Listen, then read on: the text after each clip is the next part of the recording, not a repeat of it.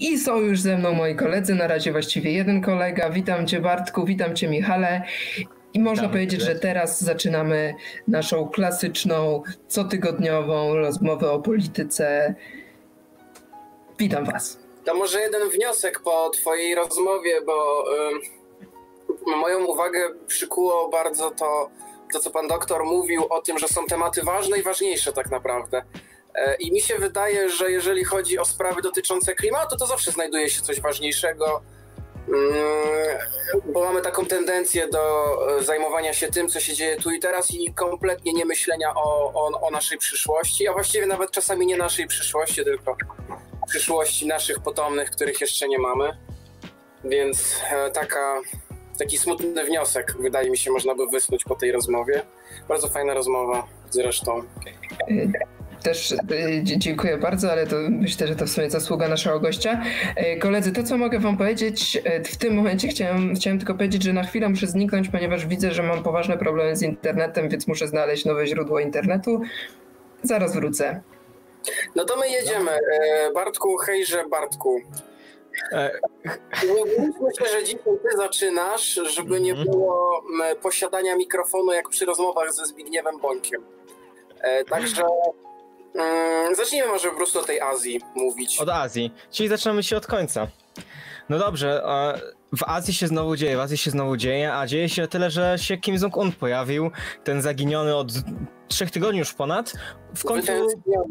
Tak, wytęskniony już. Wszyscy już e, czekali na niego, już, już były teorie, co się stanie, kto teraz przejmie władzę, jeśli on umarł pojawił się, tak po prostu się pojawił na uroczystości. Co jest ciekawe, pojawił się na uroczystości, na której nie musiał się pojawić, bo była to taka, taki event, taki powiedzmy sobie drugo, drugoplanowy, nikt się go tam zbytnio nie spodziewał, a jednak się pojawił wprost jakby chcieli pokazać, hej, ja tu jestem.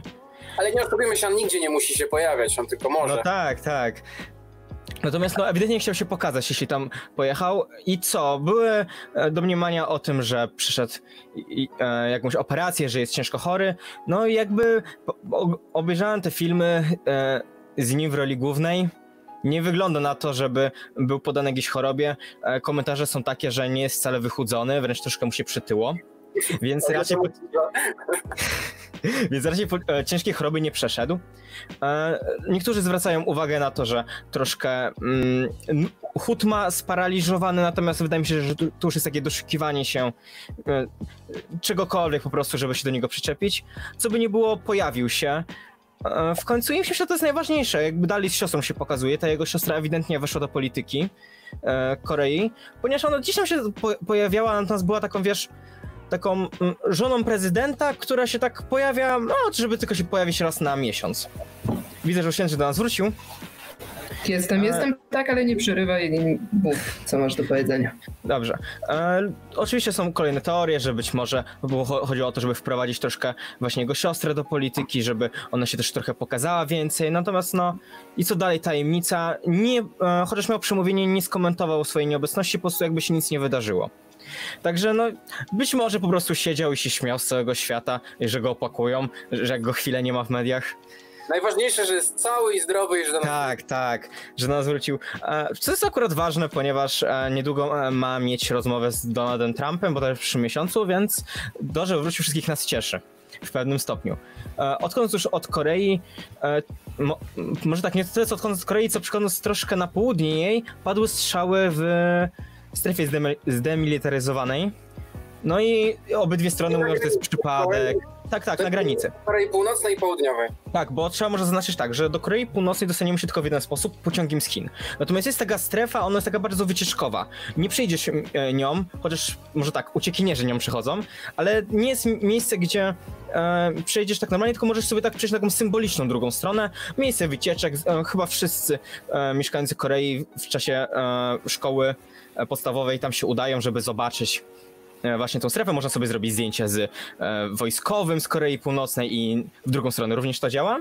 Natomiast e, ta strefa jest troszkę wyżej właśnie, bo warto wspomnieć o tym, że jakby system jakby relacje między Koreą, między Koreą Północną a Koreą Północną nie są do końca, nie są do końca jasne. Te strzały padły z obydwu stron, padły nagle. E, tutaj i, i były przeprosiny, i że to błąd, i że to ćwiczenia. No różne były tłumaczenia, no nie wróży to dobrze. Nie wróży to dobrze, takie coś nie powinno się pojawić, nie pojawiło się od dwóch lat. Także no, mm, dzieje się trochę, trochę się dzieje, na pewno będę to obserwować i wam tutaj co tydzień robisz aktualizację stanu rzeczy. Mm, troszkę, troszkę już tam było teorii, ponieważ te strzały padły dzień przed pojawieniem się Kim Jong-una, więc już jakieś pierwsze domysły były, że Korea Południowa chce wykorzystać fakt nieobecności e, władcy kraju, że tak to ujmę tak bardzo kolokwialnie. Dyktatora po prostu. Dyktatora, tak. E, no i tak, jeśli chodzi o Koreę, to wszystko e, Japonia. W Japonii może tyle, że pojawił się pierwszy raport od dawna o koronawirusie, o liczbie zmarłych, e, osób, liczbie osób, które zachorowały. Jest to ogromny skok. E, warto powiedzieć, że to jest pierwszy raport taki ogólny, który został przedstawiony w mediach od czasów, kiedy mm, potwierdzono, że przynosimy euro, że przynosimy Igrzyska Olimpijskie. I są już są komentarze, liczne komentarze, ja się z nimi stuprocentowo zgadzam, że prawdopodobnie były te statystyki troszkę ukrywane, zanim nie podają decyzji, co z igrzyskami. I dopiero po igrzyskach tak naprawdę podali prawdopodobnie prawdziwe statystyki, ponieważ to się nijak się trzyma tego, tego e, co czytaliśmy w innych e, mediach, w innych domysłach I, e, oraz jakie były przewidywania. Po prostu nijak się trzyma ten nagły skok. Jest on praktycznie no, nie, niewyobrażalny. No i jeszcze tak słowem o Chinach, tutaj sobie napisałem taką notatkę.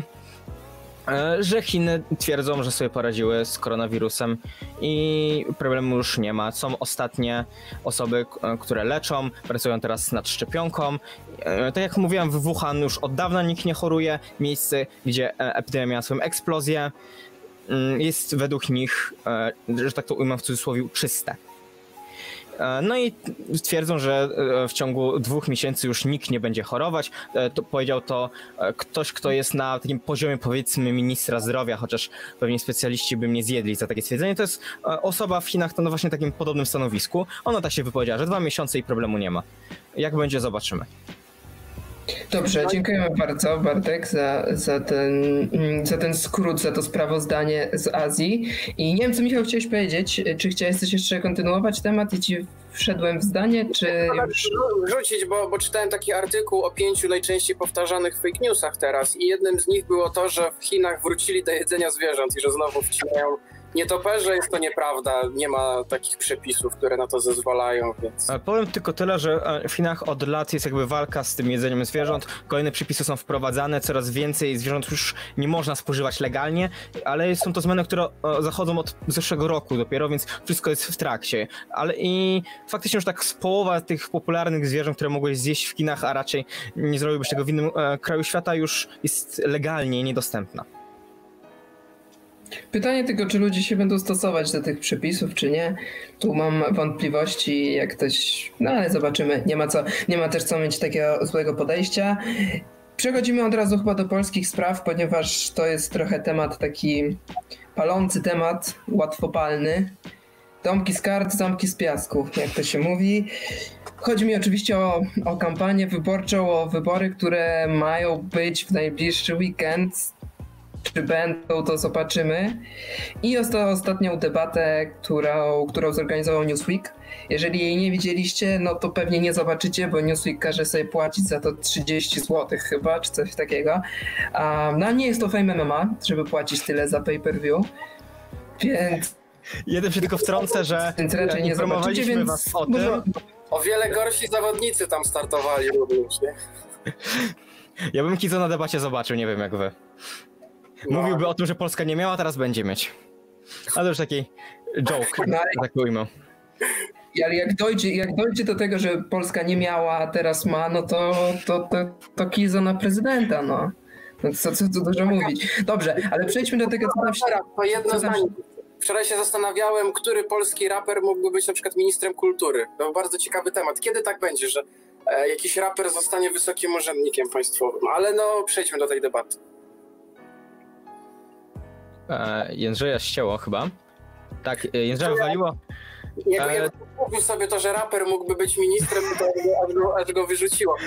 To może póki, póki Jędrzej próbuje do nas wrócić, to jeszcze mm, nakreślimy taką sytuację, że no faktycznie tych wyborów raczej nie będzie już 10 maja. Mm, tutaj przedstawiciele rządu, zdaje się, mm, wicepremier Sasin o tym mówił, że 10 e, maja już jest e, coraz mniej realnym terminem i że raczej to będzie ten 17 albo 23. Jędrzej. Do nas. Witamy ponownie. Nie, ja jak będę tak znikał i pojawiał się, bo mam problem z internetem, ale to sobie nie przeszkadzajcie. Omówiliście już, y, słyszałem, mm, naszego głównego ministra, który teraz właściwie zajmuje się wszystkim w tym kraju, czyli Jacka Sasina. Mm, czy to jest dobry moment, żeby przejść do debaty, która jest według mnie dosyć ważna, bo możliwe, że jest jedną z ostatnich w ogóle debat przed wyborami. Najprawdopodobniej, najprawdopodobniej nie, ponieważ wybory będą później niż to zakładało, e, zakładało Prawo i Sprawiedliwość na początku. Hmm, więc jeżeli mówicie, że przychodzimy, to przychodzimy. W, podczas weekendu majowego, to było 1 maja, odbyła się debata, na której pojawili się wszyscy najważniejsi kandydaci oprócz Andrzeja Dudy, który się ostatnio po prostu nie pojawia na, na tego typu, w tego typu programach. Hmm, to, to już nie wiem, to już zostaje wam może do, do oceny. Jędrzej, się tylko wtrącę, że mówiliśmy o tym, że. Bo informowaliśmy was tydzień temu o tym, że taka debata będzie, że będziemy ją oglądać, że polecamy ją obejrzeć oraz mówiliśmy o tym, że Andrzej Duda się nie pojawia, ponieważ on nie ma co ugrać. I myślę, że już w zeszłym roku tak nakreśliliśmy mniej, e, mniej więcej, że on, on nie ma po co się pojawiać na debatach, bo on nic nie ugra, a może tylko stracić. Dlatego nie, nie będzie ryzykować. Tak tylko przytoczę może nasze wnioski z zeszłego tygodnia.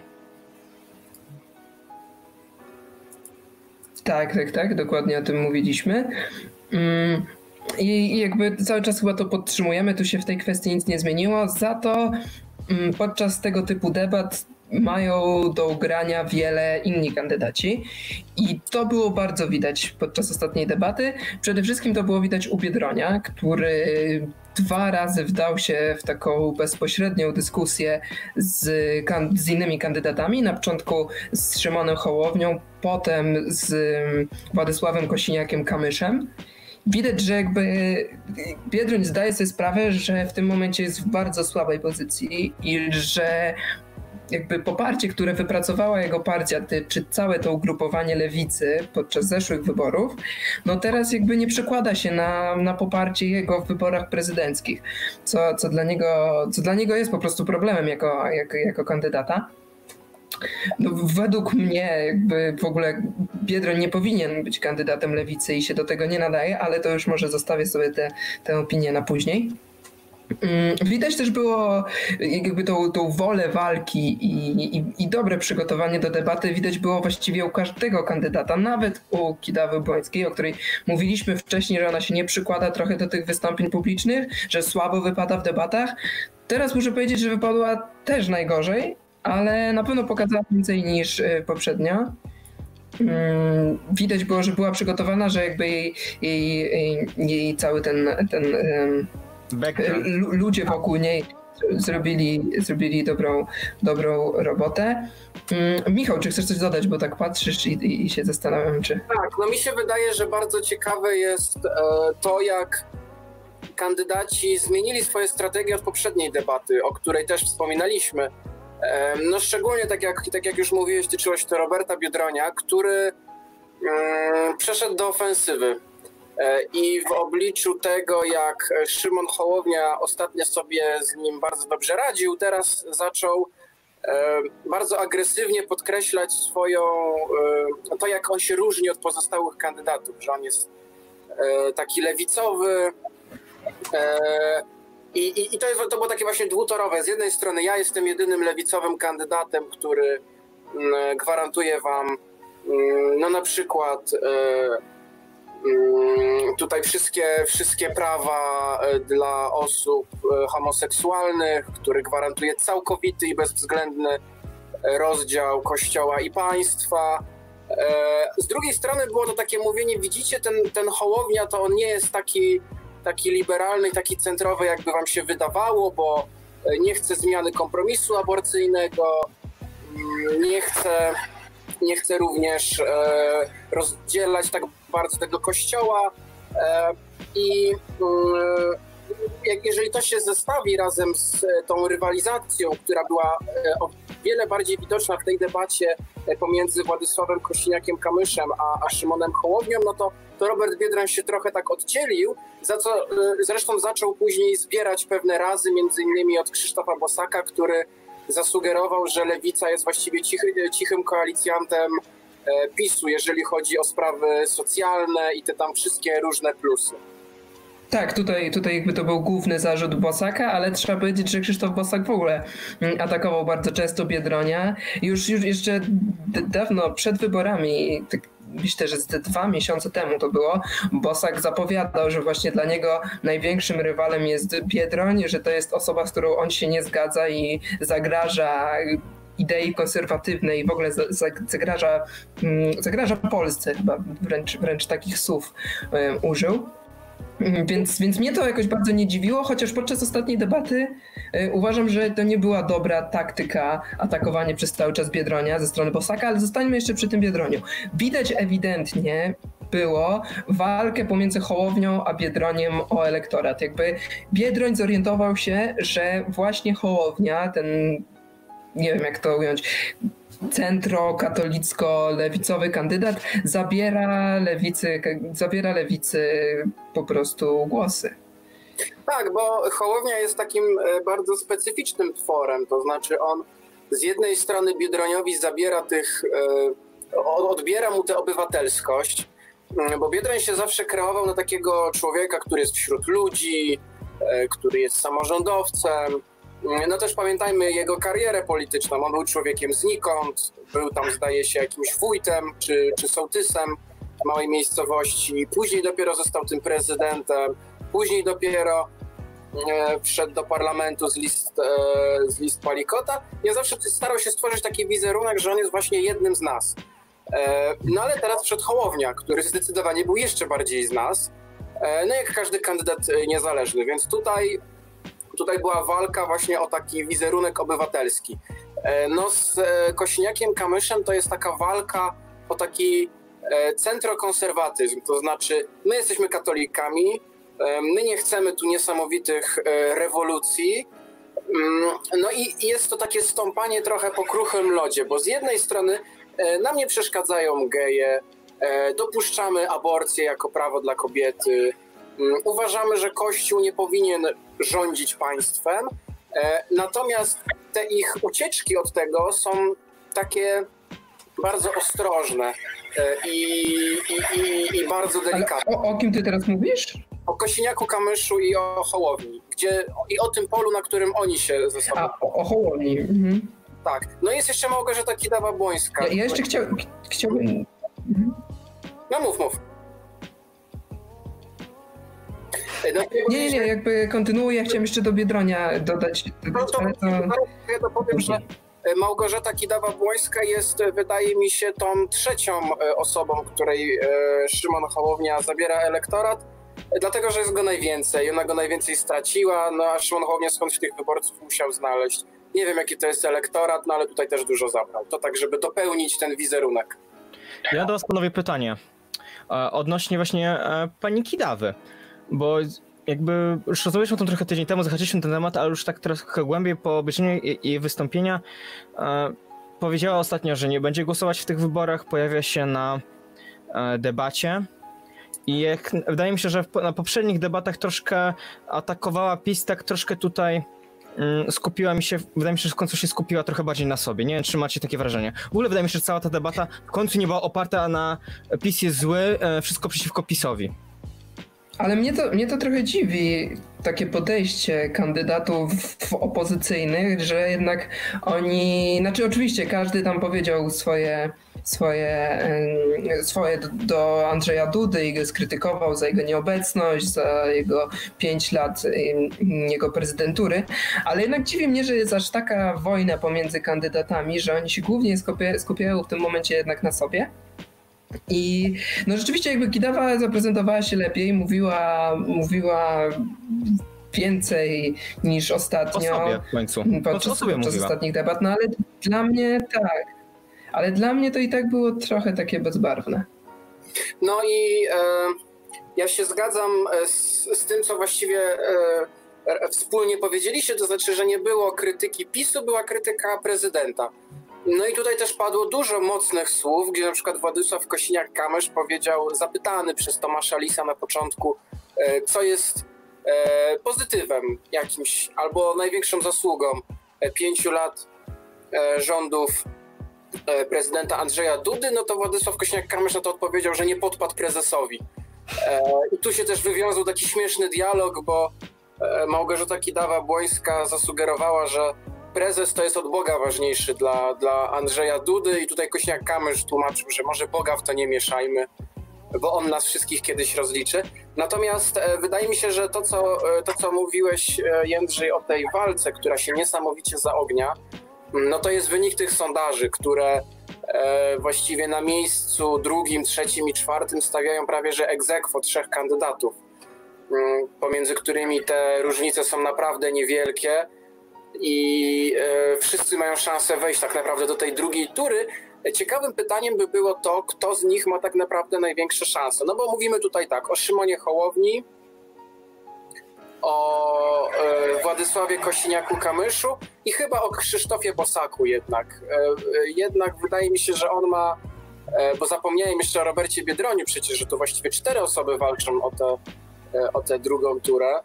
Natomiast wydaje mi się, że jednak ten Krzysztof Bosak się przybliża coraz bardziej e, niż, niż Robert Biedroń. No to są te to podobne głosy, więc one krążą. Robert Biedroń raczej ma mm, stały ten e, wynik. E, natomiast to, co jest ciekawe, e, padło pytanie w tej debacie o to, czy poprą mm, kontrkandydata w drugiej turze.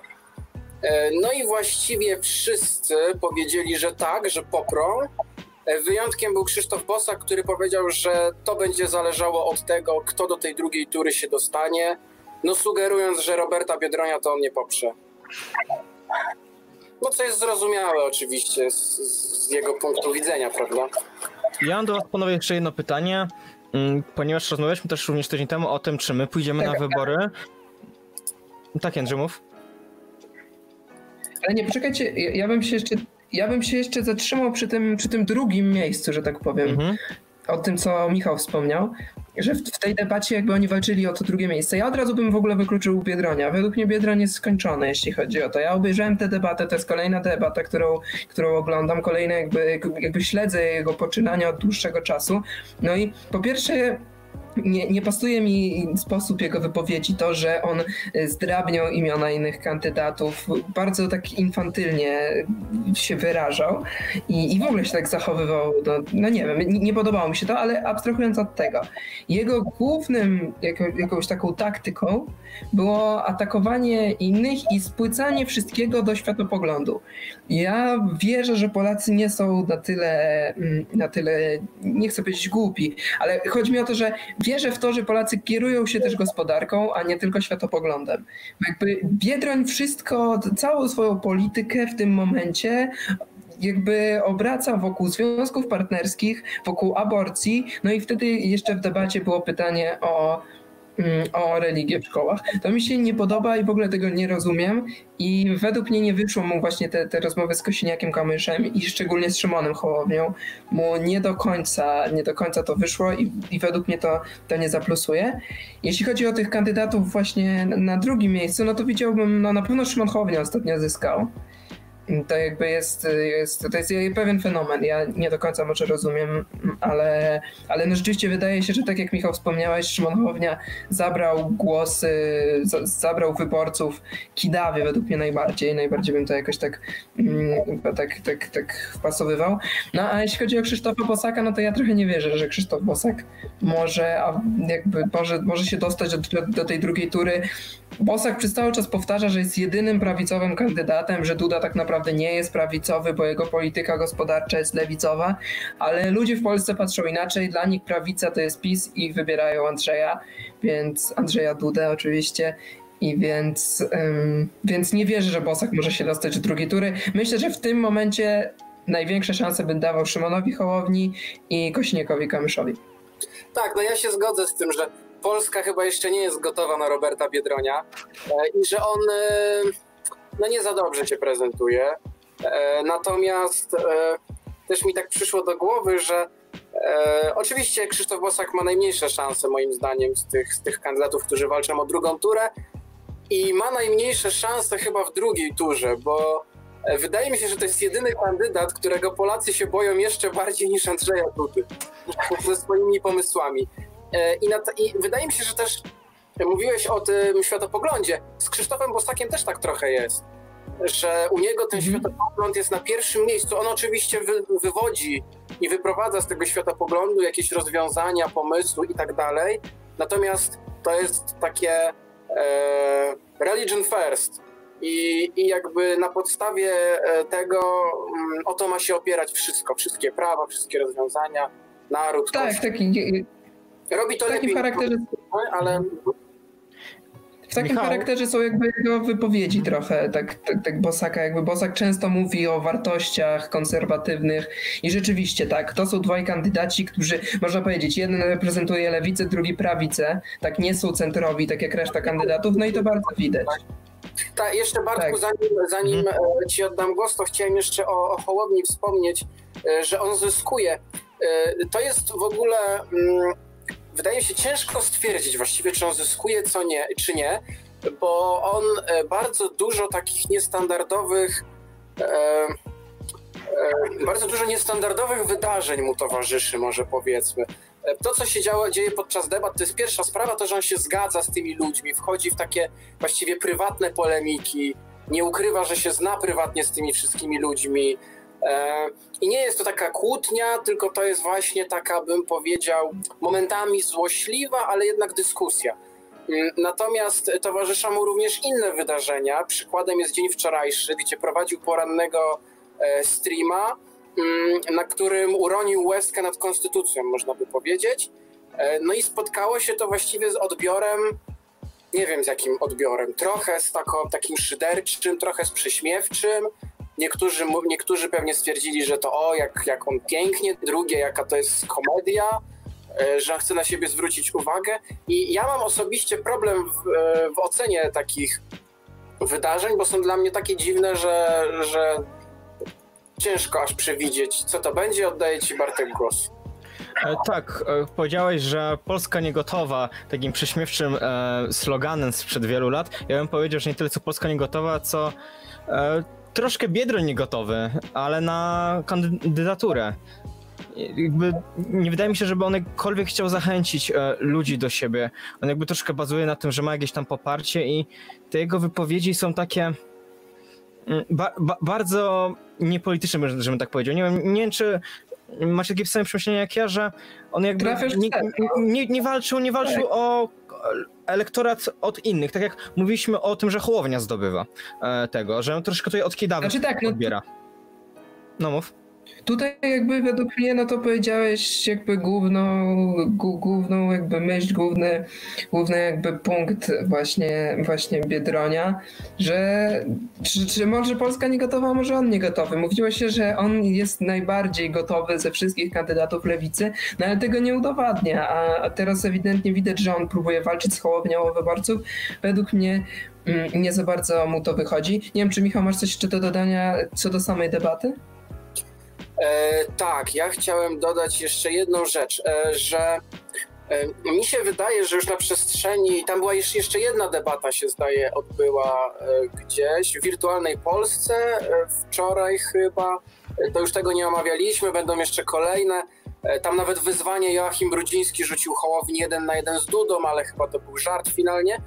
I te, te debaty, z debaty na debatę wydaje mi się, że przez to, że ta forma jest trochę taka niestandardowa, która bardziej przypomina e, takie e, powiedzmy towarzyskie spotkanie gdzieś, gdzie ludzie siadają przy jednym stole i sobie e, rozmawiają, niż takie telewizyjne show i, i, i takie medialne starcie, to, to przez to, jaki ma charakter mm, i też przez to, jakie formuły przyjmują poszczególne redakcje, to zaczynają nam się kształtować takie w, w tym gronie tak, tacy, no może nie są to jeszcze liderzy, ale takie osoby, które jednak dominują tę całą dyskusję. To jest tak jak, wiecie, usiądziecie ze znajomymi w grupie pięciu, sześciu osób, mm, to często zdarza się tak, że przykład dwie osoby dominują rozmowę, narzucają temat, One same kogoś wyczytują do tablicy, chcą, chcą odpowiedzieć i, i trochę w tych, ta, w tych rozmowach czynią to właśnie Władysław Kośniak-Kamysz i Hołownia. Oni dyktują, dyktują tempo, tematykę, oni ze sobą dyskutują, rozmawiają, próbuje się podłączyć pod to Biedroń, zaczepiając jednego z nich, próbuje się pod to pod, podłączyć Bosak, który no, radzi sobie coraz lepiej, ale cały czas jest trochę jednak takim nieśmiałym, jakby spoza tej paczki kolegą, który pierwszy raz z nami wyszedł. e, i, i próbuje znaleźć ten swój, e, swój język, e, no a Małgorzata Kitawa-Błońska jest po prostu nieobecna. No i wydaje mi się, że właśnie tutaj te dwie osoby zaczynają trochę dominować. Ja się zupełnie ja zgadzam bym tak z Michałem, dopowiedział. miałem chyba więcej do dodania. Ja, ja bym tak to powiedział, bo przez to, że mam internet jaki mam i to wygląda jakbyśmy byli po dwóch stronach świata, to, to nie mogę się, nie mogę, nie mogę ci przerwać Michał, więc tak, tak, e, tak dopowiem że masz rację i tutaj jakby wychodzi to, co jest dla mnie zaskakujące, czyli to, że na przykład Bosak nie jest do końca gotowy, żeby, żeby, żeby przekrzyczeć, żeby, żeby właśnie poprowadzić dyskusję czy debatę własnym torem. Jakby Bosak okazuje się nie tak silny, jak mi się zdawało. Wydawało mi się, że on jest liderem, który podoła, a on daje się przekrzyczeć. To jest rzadkie w przypadku prawicowych polityków, w przypadku właśnie narodowców, bo i, i właśnie mm, europoseł Sośnierz, teraz poseł, i Korwin-Mikke, i, i, i w ogóle jakby wszyscy z tych ugrupowań powiedzmy skrajnie prawicowych zawsze umieli zdominować dyskusję, zdominować debatę. Bosak tego nie umie robić, co dla mnie jest zaskakujące. Tak, i kiedy został wybrany y, kandydatem Konfederacji, y, to między innymi Janusz Korwin-Mikke mówił o tym, że Bosak ma niesamowitą cechę, to znaczy on nigdy nie dał się jeszcze wyprowadzić z równowagi. I on jest taki bardzo spokojny i spokojnie mówi. E, co się okazuje mm, wadą po czasie, bo nie jest w stanie w żaden sposób się przebić. E, on jest traktowany wręcz pobłażliwie momentami. E, wspominaliśmy w zeszłym tygodniu o bobrach i tak dalej. Mm, ma tendencję do rzucania czasami takich haseł absurdalnych. Teraz mówił o tym, że polskie społeczeństwo jest strasznie konserwatywne, o wiele bardziej niż to wskazują na to lewicowe elity na różnych szczeblach i tak dalej, i tak dalej. Więc no tutaj e, na razie nie może znaleźć tego sposobu, żeby się przebić. A jeszcze jedną ostatnią może już rzecz chciałbym e, jeszcze powiedzieć, pochwalić tym razem mm, o to, jak technicznie się przygotowali. Już Krzysztof Bosak o wiele lepiej, ładne tło, flagi polskie, bez flag unijnych oczywiście, bo wiemy, e, co się z Unią Europejską powinno stać. I również Szymon Hołownia zmienił, zmienił tło, o wiele lepiej to wyglądało. Zmieniła to też Małgorzata Kidawa-Błońska, no takie zblurowane trochę, mm, więc tutaj również, również idą do przodu sztaby. Panowie, nie chciałbym nas pospieszać, ale nie zostało nam dużo czasu, a na dole na pasku naszym mamy pewne ogłoszenie, które chyba warto zaznaczyć. E, tak, to przejdźmy do dalszej części tej, tego, co się, co się dzieje w kraju.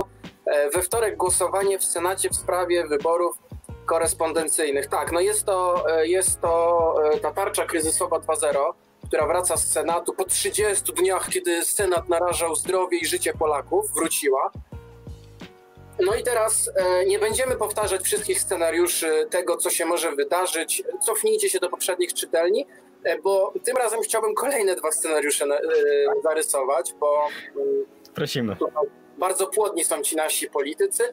E, pierwszy scenariusz mówi o tym, że e, e, ta ustawa może zostać skierowana do Trybunału Konstytucyjnego, aby uniknąć sytuacji, w której PiS przegrywa głosowanie w Sejmie. I to by oznaczało, że trafia pod, mm, pod młotek no, zdominowanego i przejętego przez Prawo i Sprawiedliwość Trybunału z Julią Przyłębską na czele.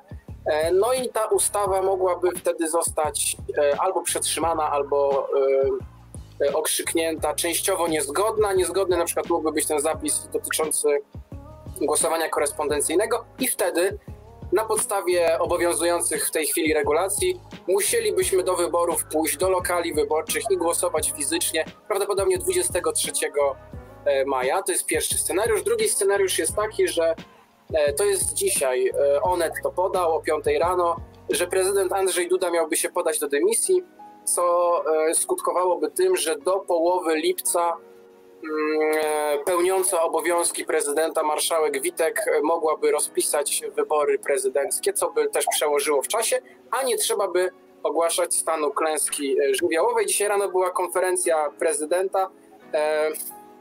Mówił o wszystkim, nie o tym, czego się od głowy państwa oczekuje, czyli nie o wyborach, nie o kryzysie.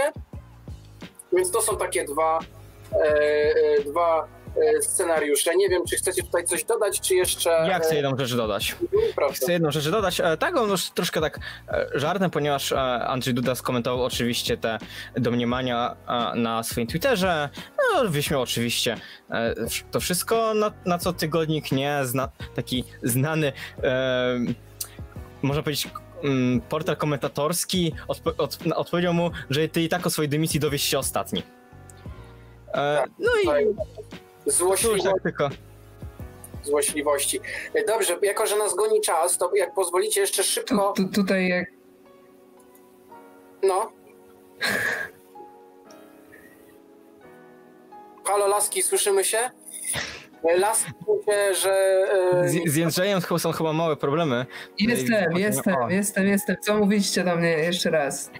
Oddajemy ci głos. Oddajcie mi głos. Ja jakby nie. Już wszystko powiedziałem tak naprawdę, co miałem do powiedzenia. Dobrze, jeśli, jeśli chodzi o. No tak, no jeśli chodzi o wybory. Ja chciałem tylko jeszcze was o jedną rzecz zapytać. Słyszycie mnie? Pytaj, tak.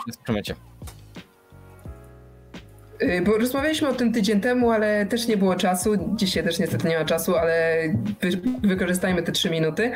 Mm, nawet jak będę w proszku, to pójdę do urny. Pójdziecie do urny, czy nie pójdziecie do urny?